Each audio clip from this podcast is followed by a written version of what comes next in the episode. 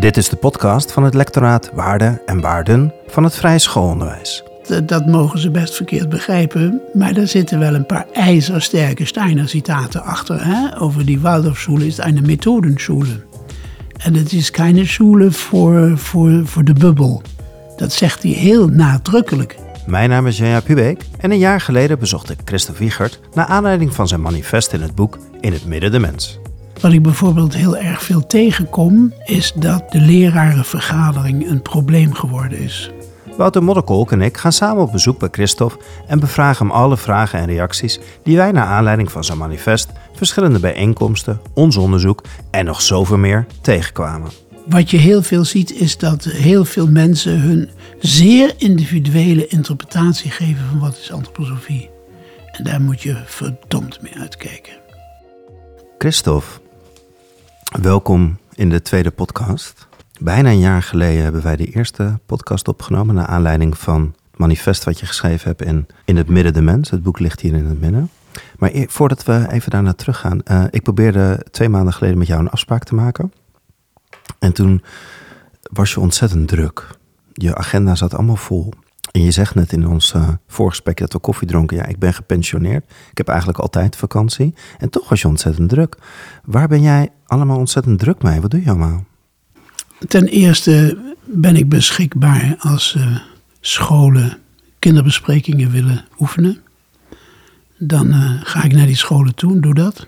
Dat is het ene. Het andere is dat ik uh, vrij veel natuurlijk nog gevraagd word in het buitenland en in het verre buitenland.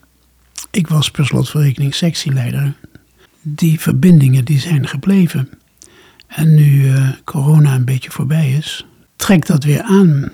Het was twee jaar lang Zoom. Bijvoorbeeld de, de Zutphen-cursus in België, in Turnhout, die gaat nu voor het eerst in twee jaar weer live. Nou, daar ben ik ook bij. Wat is dan de vraag aan jou? Waarom vragen ze je of wat uh, willen ze dat je komt doen? Ja, meestal, uh, de, dat is wel een leuke vraag, meestal dat kruis, de kruising tussen antroposofie en menskunde en pedagogie. Kijk, wat heel interessant is, is dat je ziet dat in heel veel landen de vrije scholen het goed doen op grond van de gewoontevormingen. Die hebben een zekere draagkracht, maar die draagkracht wordt minder als de gedachte achter de gewoontevorming niet meer uh, gedacht wordt. Ik geef een heel simpel voorbeeld. Er zijn heel veel leraren die grote moeite hebben met, uh, met het uh, periodeonderwijs en vooral met het periodeschrift. Waarom moet dat nou? Zeggen ze. Kijk, als je dus niet weet waarom dat moet, dan ga je daar afkeer van krijgen. Maar als je snapt waarom dat is, dan enthousiasmeert het je juist om het nog beter te doen. Dus we zijn in, in de schoolbeweging in een fase waar we altijd moeten vragen, ons eigenlijk in elke, elke vergadering moeten afvragen, waarom doen we wat? En als je dat per vak zou afkloppen. Hè? Vandaag doen we de scheikunde, waarom doen we die zo? Morgen doen we de natuurkunde, waarom doen we die zo? Dan de biologie, dan de taal. Dan krijg je een vernieuwing doordat je je gaat bezinnen op waarom het ooit zo bedacht was. En dan zie je, dan zie je wat de actualiteit ervan is, of eventueel niet. En soms zie je ook dat je het antwoord schuldig blijft op de waarom-vraag. En uh, dan moet je natuurlijk wel doorzetten. En dan moet je gaan zoeken. Op dat gebied ben ik, uh, word ik veel gevraagd. De, Zijn we die waarom-vraag op veel scholen kwijtgeraakt? Ja, omdat we zo'n ijzersterke traditie hebben opgebouwd. Die tradities, je weet, tradities hebben iets heel goeds en hebben ook iets heel riskants. Als je een traditie hebt, als je weet waarom, dan is die geweldig. Maar Christophe, kan jij mij helpen met dit stuk? Want dit is, dit is de, de kern die ik ben tegengekomen. De hele kracht van de pedagogiek van de vrije school zit, zit, zit in die intentie. En tegelijkertijd zit daar ook meteen waarin het helemaal gestold zit en vastzit in die traditie, zoals jij noemt. Hoe kan, hoe kan dit met elkaar zijn? Want die waarom-vraag is het allerbelangrijkste. En tegelijkertijd lijkt die dus verdwenen. Ik heb geleerd dat bij dit soort dingen er nooit één antwoord is. Het is heel erg complex. Heel erg complex. Wat ik bijvoorbeeld heel erg veel tegenkom, is dat de, de lerarenvergadering een probleem geworden is. die vaak voor een overgroot deel besteed wordt aan organisatorische en administratieve problemen, die er natuurlijk ook zijn. Maar de vergadering was eigenlijk bedoeld als een ontmoeting van, als een research platform. Waar leraren met elkaar uitwisselen over wat ze doen, hoe ze het doen, waarom ze het doen. Dat was de oorspronkelijke intentie. Het is eigenlijk het hart van de school. En als dat klopt, dan ontstaan die tradities altijd met de reflectie van uh, willen we het zo of moet het anders? En als dat niet zo is, dan loopt de traditie gewoon door. Dat is één punt, dat met, met die vergadercultuur. Dat is het ene. Het andere, een ander groot probleem is het engagement van de leraren. Daar kan ik iets heel interessants vertellen. Ooit wilden de leraren, nog ten tijde van Steiner, moet je nagaan, dat was geloof ik 1922, die wilden voor zich, omdat er voor de kinderen in het religieuze onderwijs van alles gedaan was, wilden de leraren, dat, Wouter, jij kent dat verhaal waarschijnlijk wel, die wilde, de leraren wilden voor zich ook een eigen esoterische grondslag hebben. En uh, Steiner eh, die deed een beetje aarzelend en zeggen: En waarom dan? Dat wat er is, is dat niet genoeg voor jullie? Nou ja, het is allemaal wel, het is allemaal wel prachtig, maar we willen iets voor onszelf, een eigen esoterie. Steiner zegt: Ik zal er eens over nadenken, dat vind je allemaal in de conferenties. En uh, bij de volgende vergadering zegt hij uh, met zoveel woorden: Weet u, ik ga dat niet doen. En dan vragen de leraar: En waarom dan niet? En dan zegt hij: Omdat u als gemeenschap niet een echte kring vormt. Het is te particulier. Het is te, het is te veel jij dat, jij die. Zo die het, is, no, het is geen gemeenschap. En als je een esoterische uh, inhoud wil geven, heb je een gemeenschap nodig die elkaar draagt. En dat neem ik gewoon niet waar, zei Steiner toen, moet je nagaan, 1922. En het is er dus ook niet van gekomen. Dus je ziet, als je het esoterische nou vervangt door het woord intentioneel, door de, door de kracht van binnenuit, die heeft gemeenschap nodig om zijn kracht te ontplooien. En als die gemeenschap gefragmenteerd is, ontplooit hij zijn kracht niet. Dat is een tweede belangrijk element. Dan komt natuurlijk direct de vraag, ja, hoe, organiseren we dat dan wel? Je weet, elke verandering begint met het inzicht dat er wat veranderen moet. En een derde element is uh, de, de, de ongelukkige scheiding die we tegenwoordig hebben tussen uh, de zogenaamde work-life balance. Die is naar mijn mening in hoge mate kunstmatig.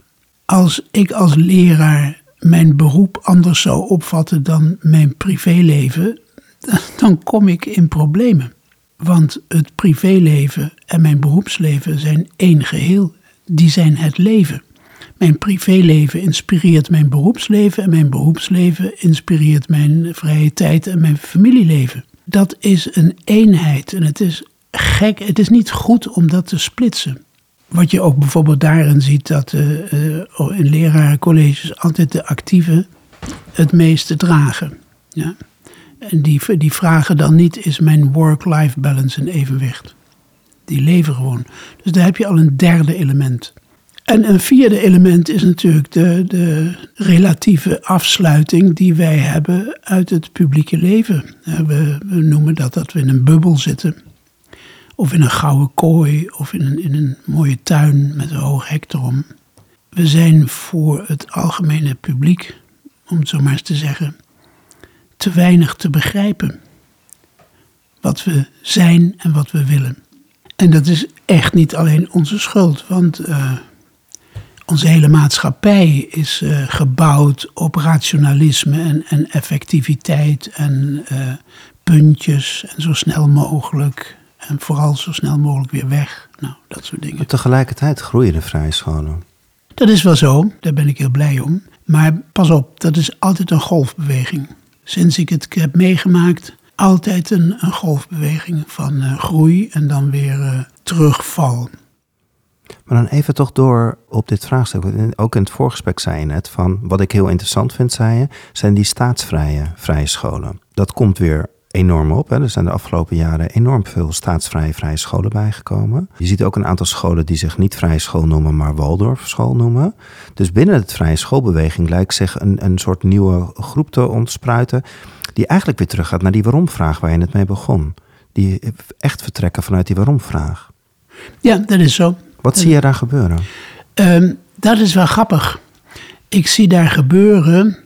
Eh, ik, ik betrek mijn ervaringen vooral op de werfklas. Ik zie daar gebeuren dat het lerarencollege echt een eenheid is. En dat is zo apart om mee te maken met wie je op die school ook praat. Ze praten, laten we zeggen, uit de identiteit van de school. En ze praten niet voor zich. En dat geeft gewoon kracht, dat geeft energie, dat geeft uithoudingsvermogen, dat geeft vooral goed humeur. En eh, die hebben dat voor elkaar gekregen, dat, eh, dat gemeenschappelijke, die eenheid. Daar heb ik nog nooit iets over work-life balance gehoord, om eens maar wat te zeggen. Dat is, dat is heel mooi. Die hebben dat met die gemeenschap. En met die gemeenschap komt ook inderdaad dat ze, dat ze erg onderzoekend zijn. En ik kom daar regelmatig om eh, over, over dingen te praten, eh, onderzoeken, gegevens. En dat even afzetten tegen die scholen die jou dan uitnodigen om eigenlijk weer die intentie voorop te komen stellen, wat jij zo zegt. Hoe gaan we die scholen helpen om weer tot een gemeenschap te komen die vertrekt vanuit de intentie? Weet je, dat is een, een, een sociologisch probleem.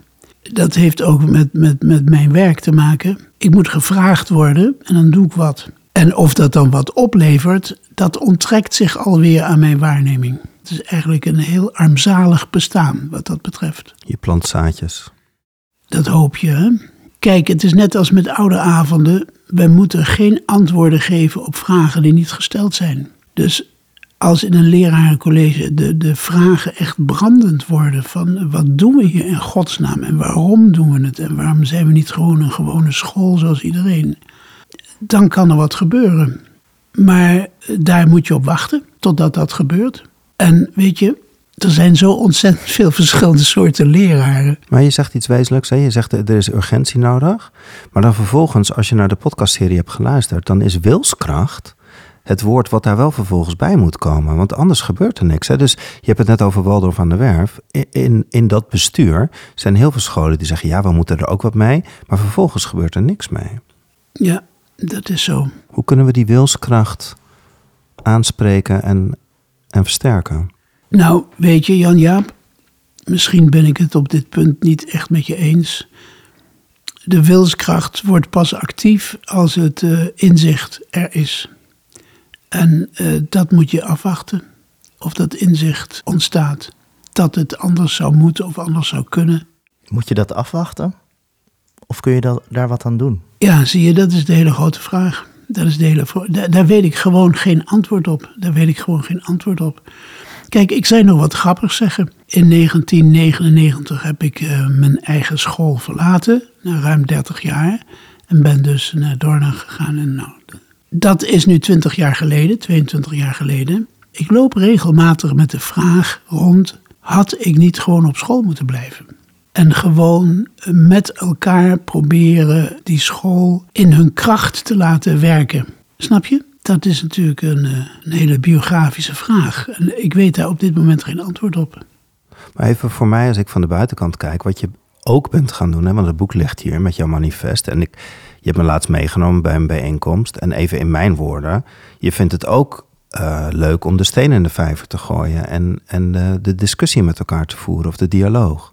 Dus ik heb ook het idee dat je, nou ja, dat je die gesprekken aanjagen en, en op een scherpst van de snede naar, naar de essentie met elkaar op zoek gaat. Dat is ook wel echt iets wat jou aanspreekt en wat jij volgens mij te doen hebt. Dat, dat kan wel, dat is ook zo. Maar dat had ik ook kunnen doen door gewoon leraar te blijven. En Wouter is ook leraar. En ik hoop dat hij dat nog blijft. Zit er een teleurstelling en, achter? Bij mij niet. Bij mij zit daar achter de, een, een vraag, naar, een biografische vraag, heb ik het goed gedaan? Door weg te gaan. Want ik bedoel, ik heb in Dornach uh, goed gewerkt hoor. En, en, we hebben de pedagogische sectie echt op de wereldkaart gezet. Door het heel sterk te internationaliseren. Dus daarvoor hoef ik me niet te schamen. En ik heb ook de, de kinderbespreking weer op de kaart gezet van de schoolbeweging. Daar is niks mis mee. Maar wat zou er gebeurd zijn met mijn school eh, als ik en een paar vrienden gewoon gebleven waren? Ja, dat is een vraag.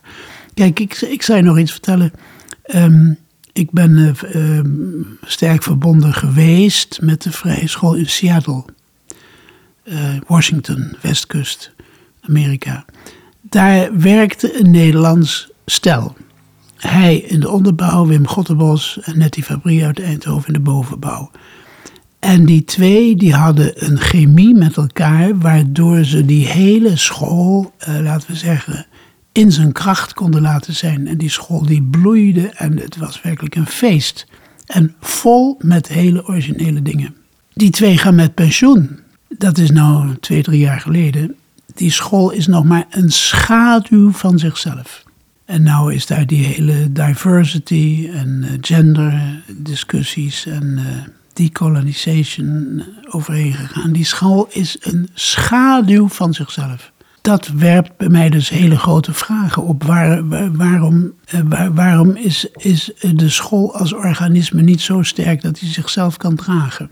En dat heeft weer met, uh, ja, met de intentionele inzet van mensen te maken. En met waar, waar we het er straks over hebben. Met uh, kunnen, we de, kunnen we de kracht van de gemeenschap laten ontstaan door het werk in de, in, in de pedagogische vergadering. Jij gaat steeds terug ook naar die intentie van het vrije schoolonderwijs. Nu in dit manifest wat je hebt geschreven in het boek In het midden de mens, uh, stel je eigenlijk de vrije school is een methodeschool. Uh, dit wordt ook binnen de vrije schoolwereld opgevat van god, de vormen, daar gaat het om. Maar ik heb het idee dat mensen jou dan verkeerd begrijpen. Als ik jou hier ook het pleidooi hoor houden om terug te gaan naar de intentie. Hoe verhoudt het concept van methodeschool zoals jij het hebt beschreven zich tot wat je nu eigenlijk steeds zegt? Dat, Wouter, is een superleuke vraag. Ja, ja dat is een superleuke vraag. Kijk, ik heb me wel eens afgevraagd, wat zou de juiste lerarenopleiding zijn? Dat weet ik natuurlijk ook niet. Maar je kan altijd wel eens gedachte-experimenten maken. Mijn gedachte-experiment was: stel je voor, je hebt een aantal jonge mensen die willen leraar worden. En je doet het dan zo. In Zwitserland hebben ze dat trouwens geprobeerd. Uh, je doet het dan zo dat je die mensen direct, uh, laten we zeggen, confronteert met het werk zelf. Het laten doen. En dan geef je ze methodische handreikingen. En dan gaan ze ontdekken dat deze methodische handreikingen voor het lezen, voor het schrijven, voor het rekenen, super interessant, dat die ongelooflijk werken, goed aanslaan. En daaruit ontstaat natuurlijk vanzelf de vraag naar, naar, waar, waar komt die handreiking dan vandaan? Waar komt dat methodische? Waarop baseert dat? Zodat je eerst uit de praktijk de ervaringen uit de praktijk hebt die jou nieuwsgierig maken om te onderzoeken, ja, maar wat is dat dan?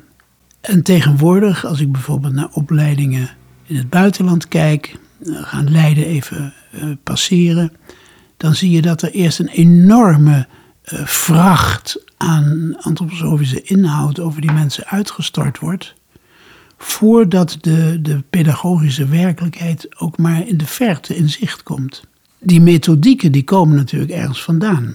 Ik ga ervan uit wie dat beoefent, deze methodieken, die gaat nieuwsgierig worden naar dat van vandaan komen. En dan kom je, wat, uh, wat Luc Stevens in je, jouw podcast zegt, dan kom je erbij, ja, ja dat, is, dat is allemaal bedacht omdat er een visie op een mensbeeld aan de grondslag ligt. Dus het gaat heel erg over, gaan we het inductief aanpakken precies. of deductief? Precies, precies. En dat ja, is het kritiekpunt. Want ik, ik denk dat dat denk verkeerd is begrepen eh, binnen, binnen de vrije schoolwereld, als ik de gesprekken daarover. Uh, ja, maar weet je, dat, is, dat, dat mogen ze best verkeerd begrijpen. Maar er zitten wel een paar ijzersterke Steiner-citaten achter. Hè? Over die Waldorfschule is een methodenschule. En het is geen schule voor, voor, voor de bubbel. Dat zegt hij heel nadrukkelijk. Dat is Steiner in O-toon. Dus ik heb daar wel, uh, wel een goed gezelschap achter me. je bent veel het land doorgegaan naar aanleiding van het boek. Wat zijn reacties die, die je teruggekregen hebt? De, Wouter stelt er nu één uh, ter discussie, maar wat, is, je, wat heb je nog meer dan? Nou, wat, wat mij, wat mij uh, bereikt ik overdrijf het een beetje, een, een uh, vorm van bevrijding. Oh, oh, ja, ook zo mogen we ernaar kijken dat is wat ik gehoord heb. Ik heb een beetje uit bepaalde kringen gehoord van de, en waar blijft de antroposofie dan? Speelt die dan geen rol meer? Nou, er zijn natuurlijk mensen die dat zo moeten denken. Dat is ook terecht. Ik bekijk het zo. Heb je En- ook kritiek gehad? Zijn mensen geweest die zeiden van ik ben het, ik ben het gewoon niet met je eens? Eh, dat is bij mij niet aangekomen. Ik heb via via wel gehoord dat, er dat, dat er mensen zijn die, eh, die eh, nou, dat antroposofie-stuk moeilijk vinden. Ik vind dit dus een heel bijzonder fenomeen, Chris. Kan je, kan, kan je mij dat duiden? Ik ben nergens zoveel oordelen tegengekomen als binnen het vrije schoolonderwijs over zichzelf. Oordelen over elkaar en als je dat dan op tafel legt, dan wordt het nooit met elkaar besproken. Het valt mij op, oordelen. Herken je dat? Weet je, je moet bedenken, eh, het is eh, 2022, ik ben sinds 22 jaar uit het feitelijke onderwijs. Ja, als ik gevraagd word, geef ik graag overal les. Maar uit het feitelijke onderwijs ben ik weg. Dus wat ik zie, zie ik m- van buiten. Ik ben daar niet zo oordeelsbevoegd. Wat, wat, wat je natuurlijk wel ziet, zijn twee dingen. Heel veel mensen, het is een beetje een hard oordeel wat nou komt hoor. Heel veel mensen gaan op de vrije school werken omdat ze denken daar kan ik doen wat ik wil. Een soort vrijbuiters idee. En je hebt op de vrije school ook heel veel mensen die op grond hiervan eh, zich, eh, laten we zeggen, hun privé-oordelen over antroposofie, methodiek en vrije school permitteren. Die, eh, laten we zeggen, niet bijdragen aan een, aan een gemeenschap. Dat, dat is gewoon een feit. Het, eh, dat is hoe, hoe ga je met jezelf om? Hoe ga je met de ideeën om? Hoe ga je met een gemeenschap om? En dat werkt, dat werkt. Dat, dat klinkt natuurlijk soft, maar het werkt heel erg. En ligt de oplossing daar niet ook wat je net ook aanhaalde in die pedagogische vergadering? Dat we daar met elkaar die kring moeten gaan maken? Echt? Ja, kijk, Steiner eh, gebruikt vaak metaforen. Hè? Daar is trouwens wetenschappelijk onderzoek naar gedaan. Dat is wel grappig, door Martina Saam. Die metaforen van Steiner zijn nooit toevalstreffers. Die zijn altijd precies. En hij gebruikt voor de vergadering, voor de pedagogische vergadering, gebruikt hij de metafoor van het hart, de hartfunctie. Eén keer en de andere keer zegt hij het is de ziel van de school. Als je de ziel be- beschouwt, of, eh, dat is altijd het, het midden van het midden, waar de dingen samenkomen, gemeenschappelijk worden. Of niet? Dus ik ben het helemaal met je eens. Die pedagogische wekelijkse vergadering is een, een, een gouden vondst om gemeenschapsvorming tot stand te brengen. Maar je moet wel begrijpen waarom.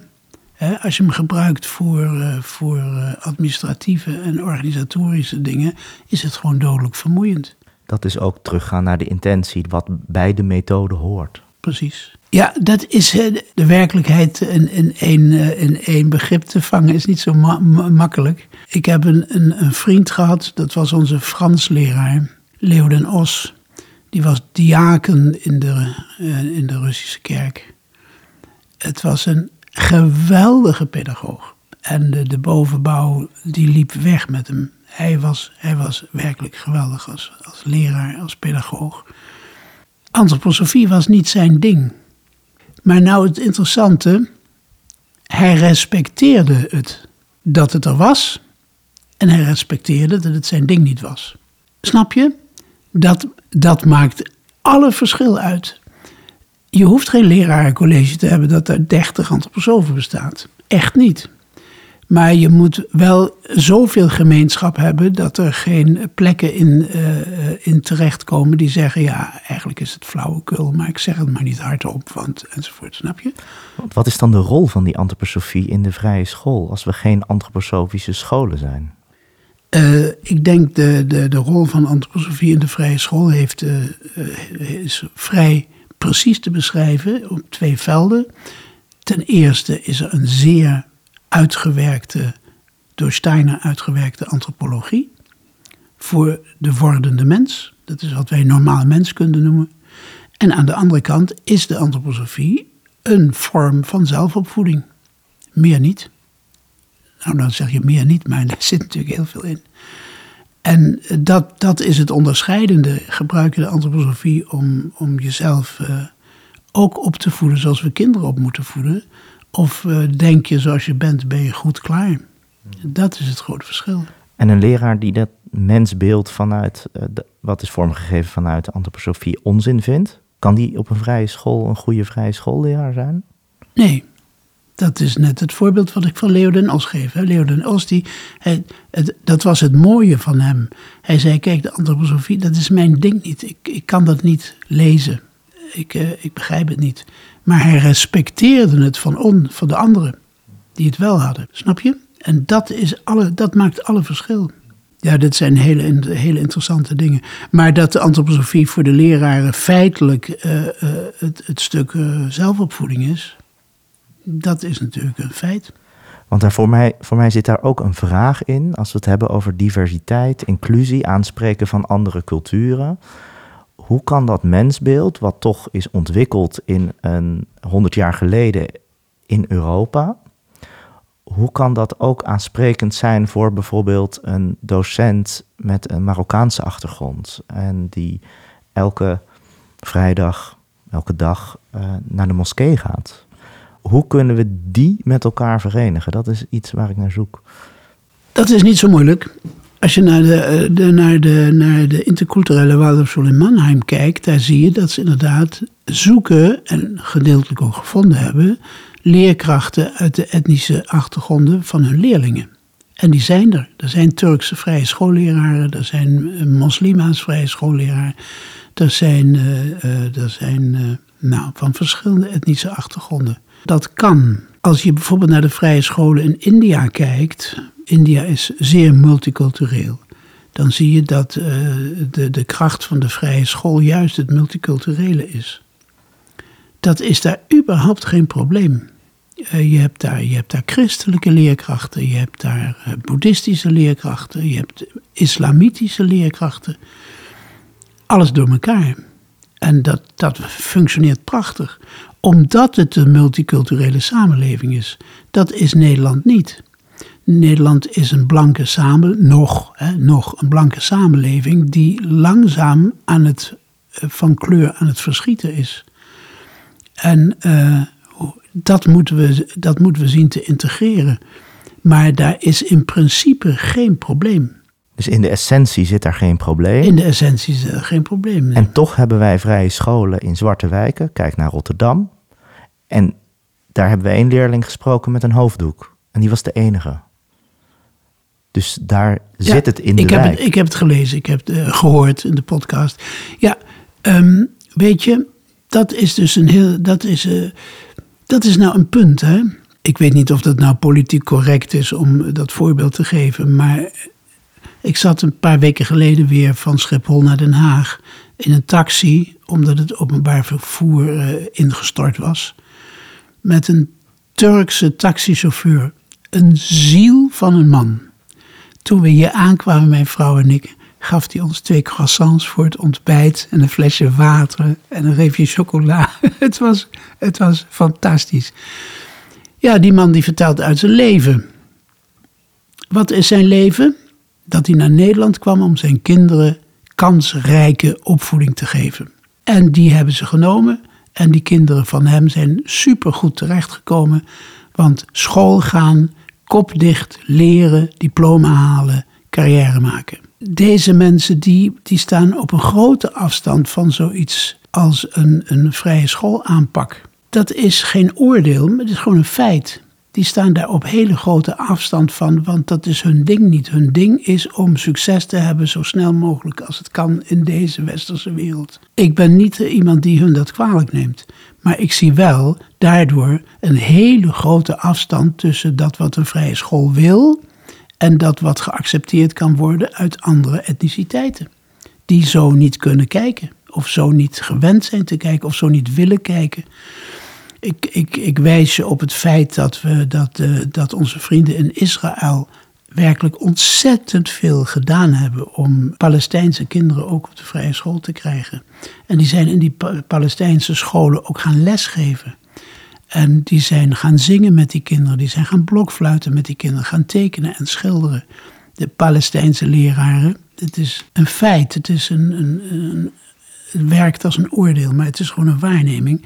Die hebben er altijd omheen gestaan als de Israëli's dat deden, met de armen over elkaar, afwachtend wanneer is het voorbij. Want dat heeft toch met onderwijs niks te maken. Zo kras zijn die verschillen. Daar is heel veel ontwikkelingswerk voor nodig was een tijdje geleden bij een lezing van Ida Oberman. En die vertelde, we hebben als vrije scholen wat te doen in het code switching, zoals zij dat noemt. We moeten het ook wel kunnen uitleggen in de, in de taal van de ander. Zo is dat.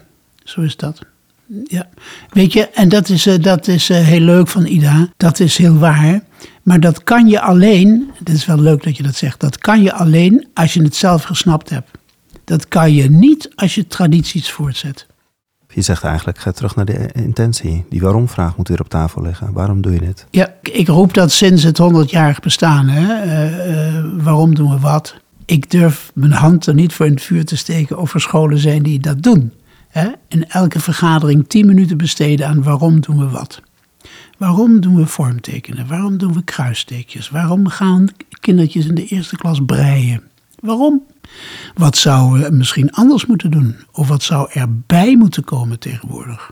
Dat zijn toch superleuke vragen. Het, het antwoord ligt zo voor de voeten, lijkt steeds, toch? Het antwoord ligt zo dichtbij. Kijk, dat komt, eh, dan kom je op die wilsvraag terug van de straks.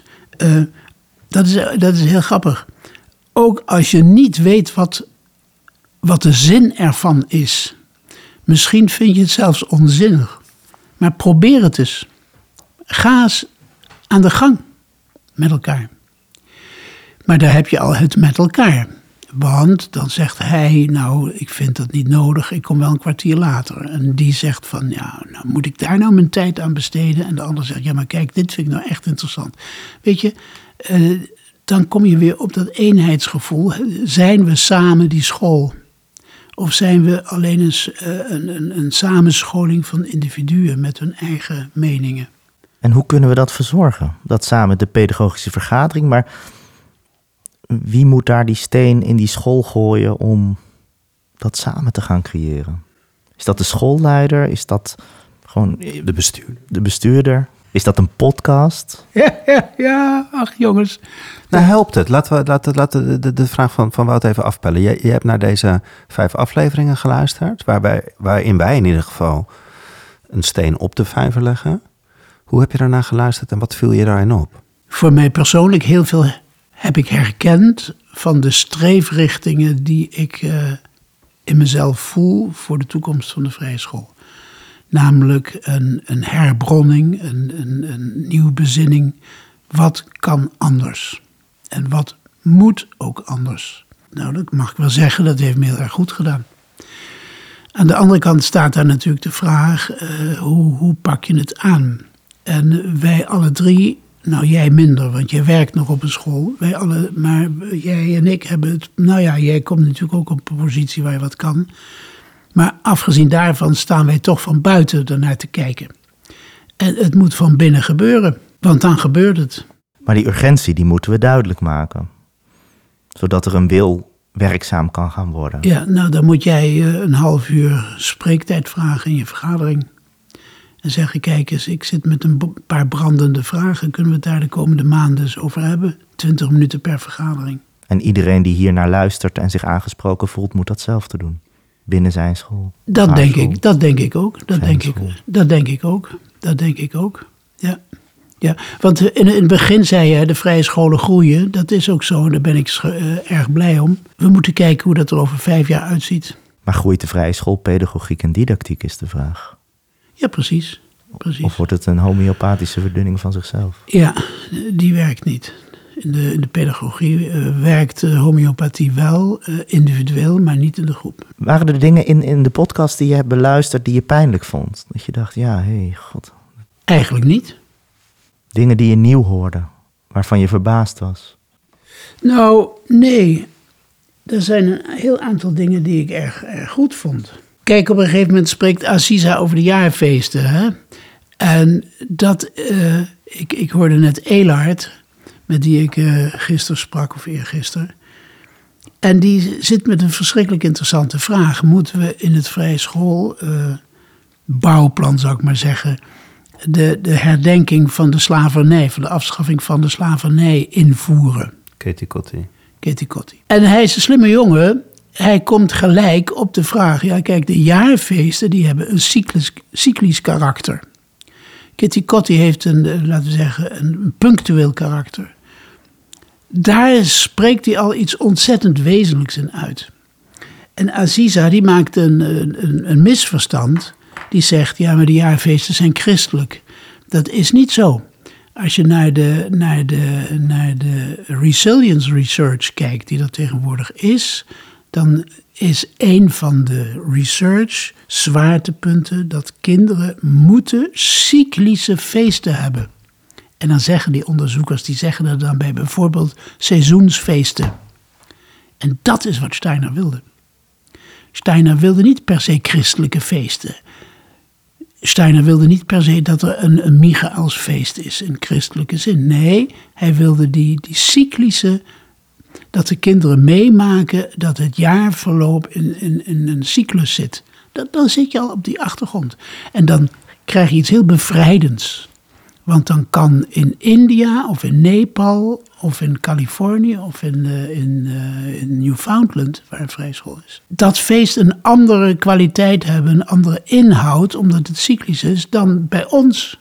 Dan krijg je gelijk al een geweldig stuk bevrijding. Dat pijnlijke stukje over, over, die, uh, over het geschiedenisonderwijs. Natuurlijk is dat pijnlijk. Dat was toen niet pijnlijk omdat men veel minder wist. Dus kunnen we dingen omzetten. Maar we moeten wel weten waarom geven we dan het geschiedenisonderwijs. Je haal, jullie halen aardrijkskunde leraar aan. Die superleuk uitlegt waarom in de negende klas geologie is en in de tiende klas uh, meteorologie. Nou, dan heb je het waarom. Maar dat kan je anders invullen. Het is net alsof je een blik opentrekt. En opeens zie je, ja, kijk, dat zit erin. Dat kunnen we ermee doen. En dat is dat afpellen van, van, van die gewoontes. En zeg je dan maar eigenlijk impliciet van dat die, dat die feesten dus, dus uh, cyclisch moeten zijn. En dat iets van Katie Kotti best een plek kan krijgen. Alleen niet in die vorm, maar vanuit de inhoud. Precies. Ik, ik zeg daar, dus Elaard heeft direct gemerkt, je hebt cyclische feesten maar die Katie Kotti is een, een, laten we zeggen, een historisch feest voor een moment. Nou, dat te onderscheiden helpt je al om het ze de juiste plek te geven. En zo is het met hele, hele hoop dingen. Omgang met sociale media. Ik zeg nou niet dat dat bij feesten hoort, maar daar moeten we een leerplan ontwikkelen. Er zijn andere vormen van geschiedenisonderwijs nodig. Andere vormen van vertelstof. Ik heb jou, geloof ik, wel eens verteld, maar dat zat niet in de podcast, of wel, dat weet ik niet meer. Dat de oorspronkelijke aanwijzingen van Steiner voor de vertelstof, die gaan tot en met de derde klas. En 4, 5, 6, 7 is door Caroline van Heidebrand ingevuld. Ik zeg niet dat dat fout is, maar dat zegt ons, we kunnen er naar kijken. En dan kom je op hele interessante problemen. Dan, dan kom je op dat soort problemen dat ze zeggen: ja, maar die kinderen vinden die verhalen van van Noorse mythologie zo geweldig in Nepal. Ja, wie ben ik dan om te zeggen: zoek je eigen verhalen? maar dat hebben we in Amerika wel gedaan. En in Amerika heb ik de Noorse mythologie heb ik in een, uh, in de, aan de westkust heb ik dat jaren geleden gedaan. Ik heb gezegd, kijk, bij bepaalde indianenstammen uit de westkust heb je verhalen die bijna identiek zijn met de verhalen van de godenschemering, waar het bij de Noorse mythologie uiteindelijk om gaat. Anders doe je dat niet in de vierde klas. Dat kan je vervangen. Hebben ze niet gedaan. Waarom niet? Ja, tell me. Is dat dan weer herdokter had gezegd in hun beleving? Weet je, ik weet het niet. Eh, in het begin van het, ons gesprek hebben we het erover gehad. Uh, onderwijs heeft een traagheidsfactor. En je hebt inderdaad kennelijk een beetje moed nodig om, uh, om te zeggen: jongens, ik doe het anders. Maar als je een gemeenschap hebt van leraren die zeggen: joh, hartstikke leuk, probeer het.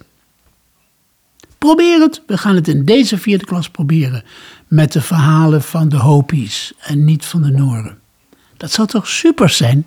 Moeten we dat Michaelsfeest wat over moed gaat niet vooral met de leraren gaan vieren? ja, dat we elkaar een beetje moed geven ja, om het anders te doen. Ja. Want er wordt ook vaak binnen scholen ervaren van ja, we moeten, we moeten zoveel. Uh, ik heb ook in het managementteam van school in Zeist gezeten en we waren uh, speerpunten aan het formuleren en dan stond diversiteit ook op. En toen was het, ja, maar we moeten ook naar de didactiek kijken en ook daarnaar. We hebben ook corona. We hebben daar eigenlijk, we schuiven die even door. Toen hebben we toch met elkaar gezegd, ja, maar dit kan niet, dit kunnen we niet doorschuiven. Als je teruggaat naar het waarom, dan is het vraagstuk rondom inclusie, diversiteit, gelijkwaardigheid. Dat kun je niet zeggen, dat doen we volgend jaar wel. Voor dat is toch de kern van de pedagogiek van het vrije schoolhuis? Ja, ja. Maar dat was tot nu toe altijd intrinsiek, hè? En dat moet nu extrinsiek, dat moet uh, verwoordbaar worden. En dat is het nog niet. Nee, is dat het? Ik denk het wel, want er is heel veel uh, evidentie dat gelijkwaardigheid bij etnische verschillen op de vrije school verbazend goed lukt. Ik heb voorbeelden van uh, twee kinderen uit, een, uit Afrika die met hun ouders hier zijn gekomen, die hele pijnlijke ervaringen hebben op, op gemeente, op openbare scholen. Hele pijnlijke. Eerst van de leerlingen en dan op een andere school van de leraren. En dat zou je op de vrije school zo gauw niet tegenkomen, hoop je. Maar je hebt wel dat voorbeeld van het ene meisje met, uh, met het hoofddoekje. Maar ja, die zit er in de eentje, hè. Die heeft niet drie, vier vriendinnetjes in de klas die ook een hoofddoekje dragen. Dat maakt alle verschil uit. Ja, maar tegelijkertijd heeft Karen ook een voorbeeld gegeven van haar dochter, die op de vrije school zat. En die kon heel goed rekenen. Maar haar dochter heeft een donkere huidskleur, want haar man uh, komt uit Kenia. En daar is de docent ook naar uh, Karen toegegaan. Hoe kan het zijn dat jouw dochter goed kunnen rekenen? Want Afrikanen kunnen dat toch niet goed? En daar zou Steiner dan in de beleving van die docent ooit iets over verteld hebben. Dus daarin, dat voelt zo'n kind ook. Dat zo'n leraar zo verbaasd is dat een donker meisje goed kan rekenen. Nou, weet je, op dit punt mag je dus echt Steiner niet citeren. Want Steiner heeft op dit punt helemaal niks gezegd. Nul. Maar we hebben in de negentiger jaren een zeer heet conflict gehad in Nederland, waar ik een, helaas een, een behoorlijke rol in speelde. Toen op een vrije school in het midden van het land, ik durf het niet eens hardop te zeggen, nog rassenkunde gegeven werd. En waar gedoseerd werd, uh, de Indianen, dat zijn de oude vandaag. En de zwarte broeders uit Afrika zijn de kinderen. En het gele ras, dat zijn dan de, de, de, adolescenten. En de enige volwassenen zijn de blanken. Dat, werd, dat stond in periodeschriften, moet je je voorstellen. En uh, daar was een Surinaams echtpaar. En die gingen uh, heel vriendelijk aan de school vragen uh, hoe ze dit moesten begrijpen. Nou, de school kon het niet uitleggen en begon dus eindeloos Steiner te citeren. En toen zijn ze natuurlijk naar de krant gegaan. Zo is dat begonnen. Dus we hebben al best een weg afgelegd op dat punt. Of je dat nou institutioneel racisme wilt noemen. Maar in ieder geval, het vak rassenkunde is toen afgeschaft. Maar dat was dus ook helemaal niet gestoeld op Steiner, zeg je. Kijk, ik heb dat heel zorgvuldig onderzocht. En voordat deze ellende begon, een artikel in Vrije Opvoedkunst geschreven over we moeten weg van dat vak. Steiner maakt voor de aardrijkskunde van de achtste klas, uh, als hij de aardrijkskunde van de achtste klas beschrijft, dan heeft, hij een, dan heeft hij het over economische aardrijkskunde, over hele veel verschillende vormen van aardrijkskunde. En dan is er een tussenzin met Berücksichtigung ethnischer Unterschiede. met, dus die houdt rekening met wat, wat verschillende etniciteiten bijdragen aan de aardrijkskunde. Dat is het enige wat Steiner op dit punt gezegd heeft. En ik denk, daar is niks mis mee. Dus uh, weet je, Steiner is al heel vaak kop van Jut gebruikt. En verkeerd begrepen. En, en dus verkeerd begrepen. Maar ook, dat is wat, wat, interessant wat je zegt, uh, verkeerd begrepen. Wat je heel veel ziet is dat heel veel mensen hun zeer individuele interpretatie geven van wat is antroposofie. En daar moet je verdomd mee uitkijken. Maar weet je, ik heb het daar over die, uh, hoe heet ze, uh, Rosanne Herzberger. Al die journalisten die hebben een elektronische kaartenbak. Ja, en daar staat van Steiner in wat in de negentiger jaren gepasseerd is. En dat is nog nooit meer opgefrist. Dus die doen Steiner, oh ja, racist. Antisemiet komt er ook nog bij. En dat en dat en dat. Dat beweegt niet. Ja. Ben je hoopvol, uh, Christophe, naar de toekomst toe? Als laatste vraag. Hoe kijk je naar... Uh... Bij de vorige podcast heb je gezegd dat ik negatief was, weet je nog wel? Mm -hmm. Natuurlijk. Maar het is wel spannend of we het gaan maken. Kijk, um, we hebben te maken ook met een, een negatief gekleurde publieke mening, publieke opinie. En dat zal heel wat kosten om dat om te keren. Maar daar moeten we wel aan. En ik hoop dat het 100-jarig bestaan daar een flinke aanzet toe geeft. Want die, uh, die, die tendens is er wel om daar aan te werken. Dat is mooi gevangen in het boek Goud van Waldorf, of niet? Ik heb dat boek dus niet omdat ik niet extra fundering heb aangelegd om zo zware boeken in mijn kamer te kunnen hebben. Nou, nu draai je eromheen. Ja, het is alleen maar mooi, het is alleen maar hemels, het is vreselijk. Nou, dat zegt Aziza. De, haar reactie op de, op de podcast was... Ik ben wel benieuwd hoe, hoe jij er naar kijkt, ook naar de toekomst. Welke podcast? Die, die, die vijf afleveringen die jij nu oh, ja, hebt oh, die heeft zij ook gezien? Ja, ja, heeft zij ook geluisterd. En zij zegt van, ja, de kern van de pedagogiek van het vrije schoolonderwijs... is dat je, dat je bewegelijk bent, dat je flexibel bent... dat je de, de hele tijd die vraag, de intentievraag neerlegt. En dat lijkt op zoveel plekken, plekken weg. En, maar dat is juist die kracht dat zou het goud van Waldorf moeten zijn. Weet je, het is natuurlijk waar wat Aziza zegt, maar het is een deelwaarheid. Als je naar de missie kijkt van de vrije school, dan moet je zeggen: de missie bestaat daarin dat we uh, het denken redden. Uh, het denken gaat, uh, wordt erg gekaderd op het moment.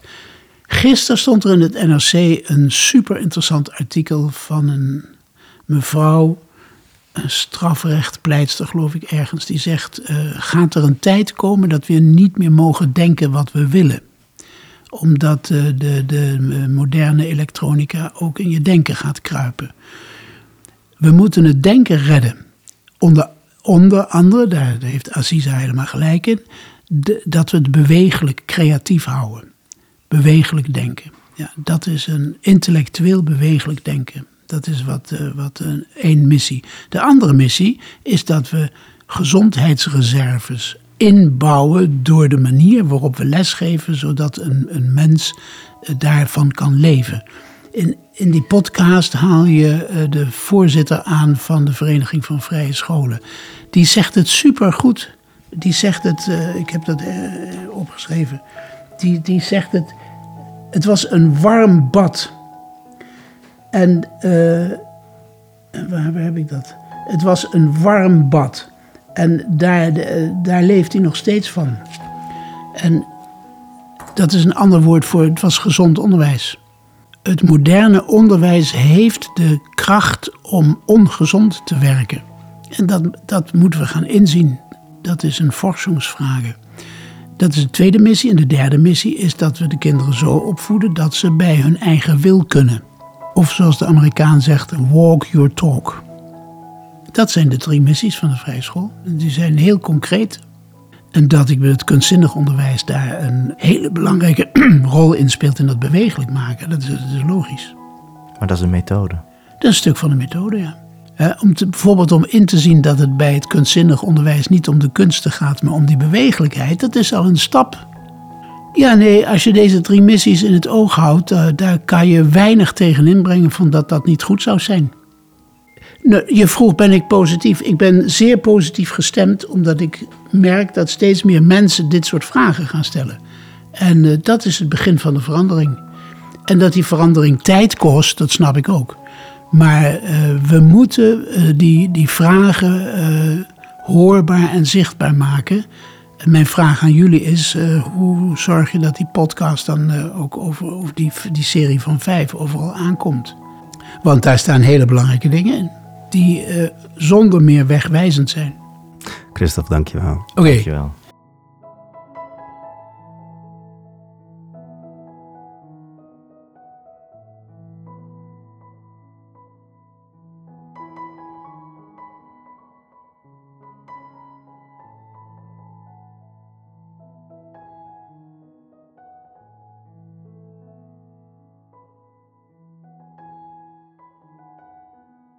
Je zegt dat Steiner onaangemeld op het schoolplein stond. Onaangemeld op het schoolplein en zag dat het een geweldige pokkenzooi was. En hij vroeg waar zijn de leraren? Toen zei ze, die zeggen de weekspreuk. Waarop Steiner zei, zie je, weer is de esoterie de zondebok voor het slechte presteren. Wat geweldig. Dat was echt een realist, hè, Steiner? Ja. Ja. ja. Hoe belangrijk Leuk, is Steiner voor jou? Oh, ongelooflijk. Als ik de antroposofie niet had ontmoet, zou ik waarschijnlijk een burgerlijke lul in het kwadraat geworden zijn. Misschien ben ik dat ook hoor. Waarom?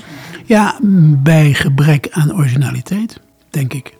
Of tweede violist in het residentieorkest, dat had ook nog gekund.